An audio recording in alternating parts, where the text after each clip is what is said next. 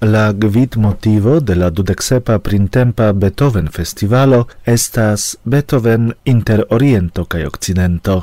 Gi dauros inter la dudexesa de marto kaj la sepa de aprilo en Varsovio. La festivala programo, konstruita ĉirkaŭ la gvidmotivo de la nunjara eldono, reliefigos la kun existon de la orienta kaj occidenta kulturo en muziko. Dum dec tri festivalai tagoi ocasos dec sinfoniai cae quin chambrai concertoi, dum ciui presentidos multai renomai sol artistoi, directistoi cae ensembloi invititai de Elżbieta Penderecka, la generala directoro de la festivalo. Krom componajoi de Ludwig van Beethoven, la publico audos la muzikon de interalie Wolfgang Amadeus Mozart, Frederico Chopin, Henryk Winiawski, Gustav Mahler, Hector Bialobos, Maurice Ravel, George Gershwin, Benjamin Britten, Witold Lutosławski, Leonard Bernstein, Mieczysław Weinberg, Valentyn Sylwestrow, Toshio Hosokawa kaj Faustas Latenas. En la festivala programo aparte estos omagita per siaj verkoj Krzysztof Penderecki, lige kun lia nuniare naŭdeka naskiĝda treveno kaj la tria da treveno de la morto.